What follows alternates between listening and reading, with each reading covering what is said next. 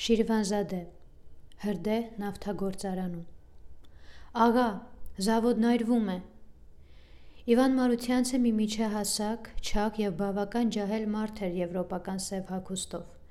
Նրա լիք, կոլորակ եւ մաքուր սափրած երեսի կարմիր գույնը մի վայրկյանում թռավ դժբախտ լուրը լսելու ժամանակ։ Երբ, որ ժամին, զավոդի որ կողմից է սկսվել հրդեհը։ Վերին աստիճանի անհամբերությամբ եւ հրամայական հարցնում էր նա։ Երկու փոքրիկ եւ խորամանկ աչքերի բիբերը արագությամբ շուռ տալով եւ ձեռները տարածելով դեպի առաջ։ Կարծես նա ուզում էր կատաղաբար հարցակվել չարագուշակ լրաբերի վրա եւ տեղնուտեղը խեղտել նրան։ Կրակը երևացել է մոտ քառորդ ժամ սրանից առաջ։ Դողդոջուն ձայնով պատասխանեց լրաբերը, երկյուղացությամբ հետ ու հետ քաշվելով։ Ես նոր գործս վերջացրել եւ պատրաստվում էի քնելու, երբ ականջիս հասավ մի տրաքոցի ձայն։ Ձայնը սաստիկ էր, կարծես թե ամբողջ զավոդը քարունքանդ էր լինում։ Ես մի քանի րոպե մնացի շվարած, չգիտեի ինչ անեմ, ուր վազեմ։ Մի կերպ խելքս գլուխս հավաքեցի եւ դուրս թռա։ Հենց այն է ուզում էի առաջ վազել, մեկ էլ տեսնեմ աջ կողմից կացանների բաժնից բոցախարն ծուխը դուրս է փչում։ Հասկացա, որ մեզ նավթակացաններից մեկը պատրվել է։ Կրակը դիմում էր դեպի յուղ մաքրելու բաժինը։ Մշակները զարթնել էին եւ որը տկլոր, որը հակոստով ամենքը դիմում էին կրակ երևացող տեղը, հրդեհի առաջն առնելու։ Ես իսկույն վազեցի քաղաք, որ ձեզ հայտնեմ։ Իվան Գրիգորիչը մի քանի վայրկյան լուր մտածելով դիմեց ծառաներից մեկին, որոնք բերաները բաց արած ուշադրությամբ լսում էին լրաբերի խոսքերը։ Այս վարքյանից լծվի իմ կարգը, ես առանց րոպե ուշանալու պիտի գործարան հասնեմ։ Ծառաները վազեցին աղայի հրամանը կատարելու։ Վերջը տունս կքանդեն։ Հետի նախքատության մեջ կձգեն։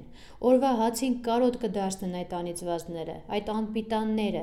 մարդու կերպարանք ունեցող անխիղճ գազանները։ Թող Աստված պատժի այն չար մարդուն, որը համարցակվել է այդ վնասը ձեզ հասցնել, Աստծո կամքն է, աղա, մենք ինչ անենք։ Մենք ոչ ենք կրակ գցում ու այրում ձեր գործարանը։ Լրաբերը այս ասելով գդակը ձեռքին հեռացավ պատի տակ։ Ընթարցակ նախասենյակի պատից քաշ տված կանթեղի ճարագայթները մի րոպե տարածվելով նրա նավթախառն մուրի մեջ կորած բարձր հասակի վրա լուսավորեցին նրա սև եւ կեղտոտ դեմքը։ Խիտաբույս հոնքերի տակից փայլեցին անսովոր վիշտ արտահայտող սև աչքերը։ Մշակն ով է, որ նրա աստվածը ով լինի, գոչում էր Իվան Գրիգորիչը կատաղի առյուծի նման։ Մշակն աստված չունի, նրա աստվածը փայտն է։ Եթե դուք աստված ունենայիք մի տարվա մեջ իմ գործարանը երկու անգամ չեր այրվի։ Եթե դուք խիղճ ու հոգի ունենայիք, ձեր կյանքը կզոհեիք եւ չէիք թողնի, որ ձեր աղին, ձեր կերակրողին վնաս հասներ։ Լրաբերը լուր էր։ Նա գիտեր, որ Իվան Գրիգորիչի ինքնահավան բնավորությունը սաստիկ թշնամի է ուրիշների հակախոսության նամանավանդ այսպիսի դժբախտության րոպեներում։ Աղա, ֆայտոնը պատրաստ է, ներզվազեց ծառան։ Ես գնում եմ, դու էլ վազիր այս րոպեից գործարան, դարձավ աղան դեպի լրաբերը։ Մի քանի րոպեից հետո սևագույն ուժույքներով լծված փառավոր կառքը թանկագին տակ մուշտակի մեջ փաթաթված Իվան Գրիգորիչին տանում էր գործարան։ Հյուսիսային քամին փչում էր։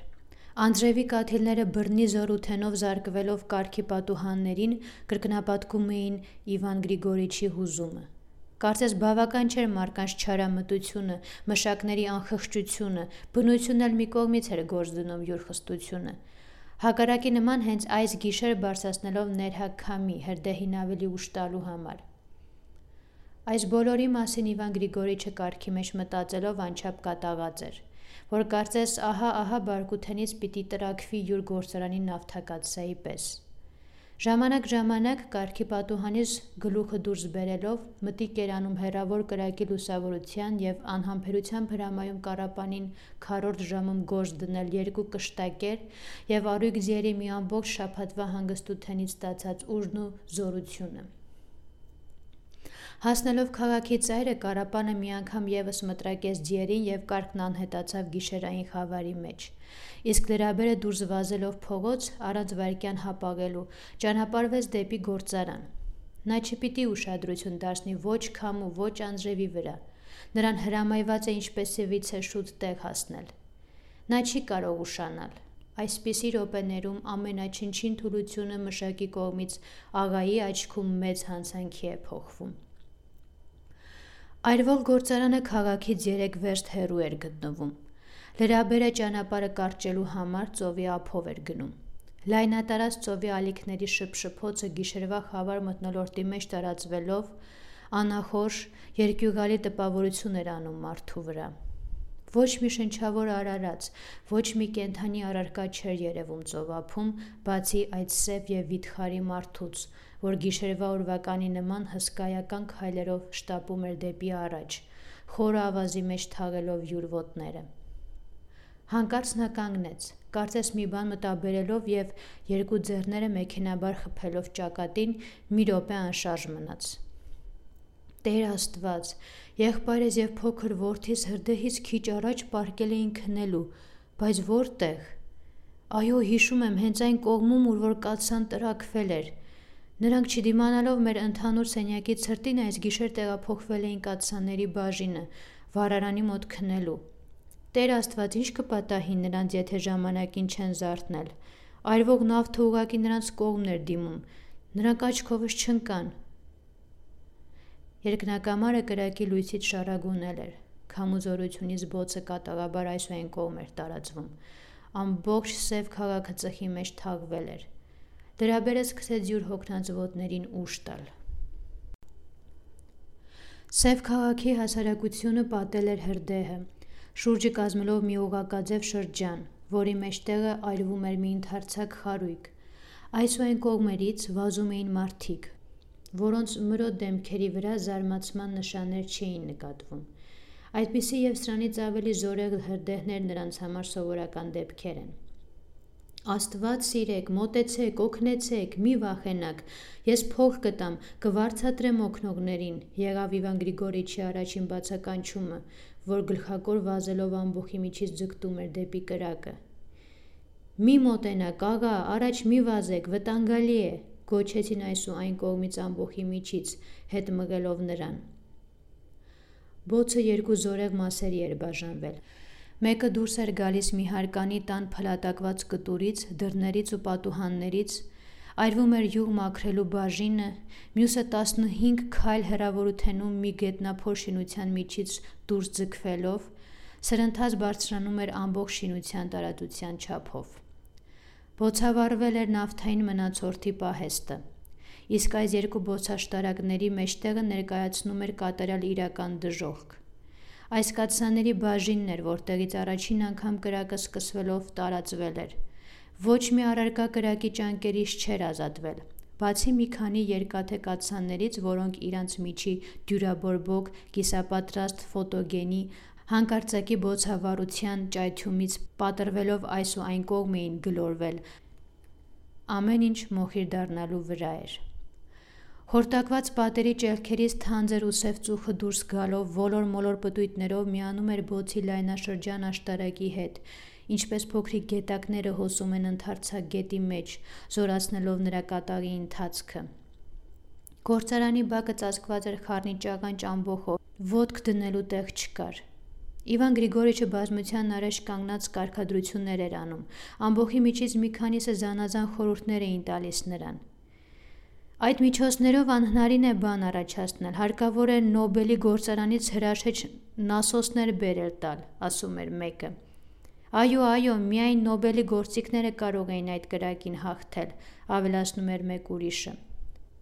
Սրանք հարևան գործարանատերերն էին, որոնք ոչ այնքան Իվան Գրիգորիչի մասին էին հոգում, որքան վախենում էին, որ միգուցե հրդեհը իրենց գործարանները հասնի։ Իվան Գրիգորիչը չէր լսում նրանց։ Օգնեցեք, շտապեցեք, ես փող կտամ, ջուր հասցրեք։ Ինչ եք սառել, ամպիտաններ, քանդեցիք դուք իմ տունը։ Գողեր, ավազակներ, անդադար հայոյում էր նա մշակներին, շվարած այսուայն կողմ վազվզելով։ Հրդեհի հանգցնելուն բացի Իվան Գրիգորիչի գործարանի մշակներից օգնում էին եւ ուրիշ գործարանների մշակներ ու կողմնակի մարդիկ։ Միայն առաջիները գործում էին ուղակի կրակի դեմ ու դեմ, ամենավտանգավոր տեղում, իսկ մյուսները աշխատում էին որքան կարելի է հերվից գործել, խույս տալով կատաղի բոցի ալիքներից։ Առաջինները հրաշեջ նասոսների խողովակների ծայրերից բռնած շփում էին ջուրը կրակի դեպի զորեղ կենտրոնը, որտեղից բոցը ջրի ամեն մի զարկին խուլ արձագանքներ էր տալիս, իսկ մյուսների մի մասը հերվից նասոսների կրնակներն էին պտտեցնում։ Մնացյալները ջուր էին ավելացնում նասոսներին։ Մշակների մի ուրիշ խումբ թիերով հող էր սփռում երկու կողմերից նավթային մնացորդների բոցավառված պահեստի վրա։ Մի քանիսը Իվան Գրիգորիչի մշակներից անգիտակցաբար այն աստիճան մոտեցել էին կրակին, որ ամբողջը նրանց փոխարեն սարսափում էր։ Տոթը խեղդում էր նրանց, կրակի տաքությունը կիզում էր նրանց կիսամերկ մարմինները, խոշոր կայծերը անձրևի նման հեղեղվում էին նրանց գլխին, բայց խորասուզված իրանց գործի մեջ կարծես նրանք ոչինչ չէին զգում։ Ամեն վայրկյան նրանց նավթաթաթախ ցնցոտիները սպառնում էին բոցավառվել թափվող կայծերից։ Մի քանի ուրիշ բանվորներ այդ թշվառներին վերջին վտանգից ապահովելու համար բավական հեռվից մի փոքրիկ նասոսով ջուր էին սրսկում նրանց վրա։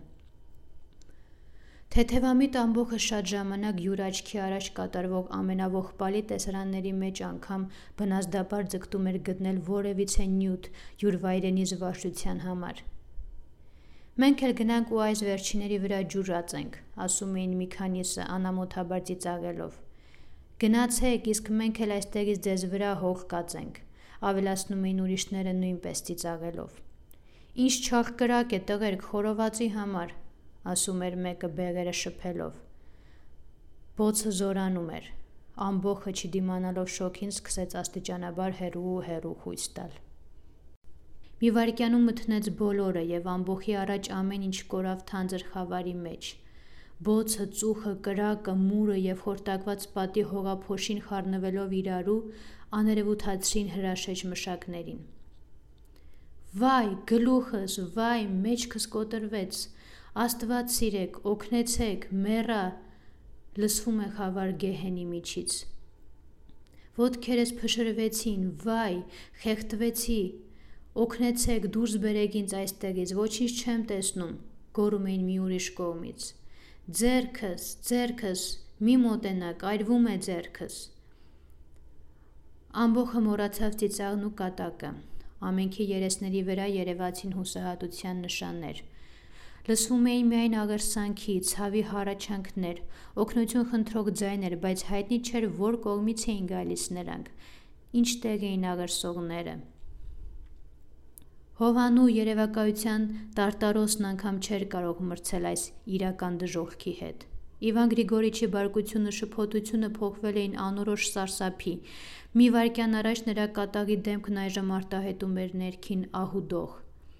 Անշարժ արցանի նման նա մի տեղում սարել էր եւ չգիտեր ինչ անի։ Նա կամեցավ առաջ վազել, բայց չկարողացավ, որովհետև անհնարին էր։ Ծուխն ու փոշին խառնվելով մուրի, մոխրի եւ բոցի հետ կազմել էին նրա առաջ մի անթափանցելի խավար տարածություն։ Հանկարծ ամեն ինչ պարզվեց, եւ նրա առաջ բացվեցավ մի սոսկալի տեսարան։ Այս ու այն կողմ թավալվել էին թվով միջև 6 մշակների դիակներ։ Երևում էին նույնպես եւ ոդքի վրա մի քանի ուրվականանման պատկերներ, որոնցից մեկը բոցավառված խելագարի պես այսուայն կողմ էր վազվզում, բացականչելով. Օգնեցեք, հայ քրիստոնյաներ, օգնեցեք, խղճացեք, մարմինս այրվում է։ Շուտ հողացեք վրաս, ջուր, այրվում եմ։ Սա տարիքը անցկացրած մի ծերունի էր, որի դյուրաբորբոք ցնցոտիները բոցավառվել էին եւ խաշում էին նրա մարմինը կենթանի-կենթանի, ինչպես միջնադարյան ինկվիզիցիայի թշվառ զոհերից մեկին։ Իվան Գրիգորիչը երեսը շուռ տվեց, նրա նրբացած նյարդերը անզոր էին դիմանալ մի այսպիսի այլանդակ պատկերի։ Ամբողի միջից շատերը սիրտ առնելով վազեցին առաջ։ Ուժեղներից մեկը ոտի մի զորեղ հարվածով բոցավառված ծերունուն գլորեց գետին։ Մնացյալները սկսեցին այսուայն կողմից հողով ծածկել նրա մարմինը։ Կիսակենթան թաղելով ողորմելի զառամյալին։ Այս միակ միջոցն էր, որով միայն հնարավոր էր հանգցնել նրա այրվող ցնցոտիները։ Խաշվեցի, այրվեցի, խուլ ձայնով հառաչում էր ծերունին հողի տակից։ Նրա դեմքն այնչափ այլանդակվել էր, որ ներկա եղողներից շատերը կես սարսափով եւ կես զզվանքով ծածկում էին իրանց աչքերը նրան չտեսնելու համար։ Մի քանի քայլ հեռու այդ դիակներից մի երիտասարդ մշակ նստած գետնի վրա, ձեռները հողի մեջ տրորելով բացականչում էր.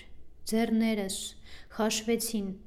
Տեր Աստված, բայց իզուր նա այրվեց, մեռավ, չկարողացա ազատել հորեղբորս»։ Նրա թեժացած աչքերից գլորվեցին արտասուքի մի քանի կաթիլներ, եւ նա ձեռները տանելով դեպի աչքերը թռչեց յուր պլոկված մատների ծայրերը։ Կարծես այդ աղի կաթիլները կարող էին զովացնել նրա սիրտը։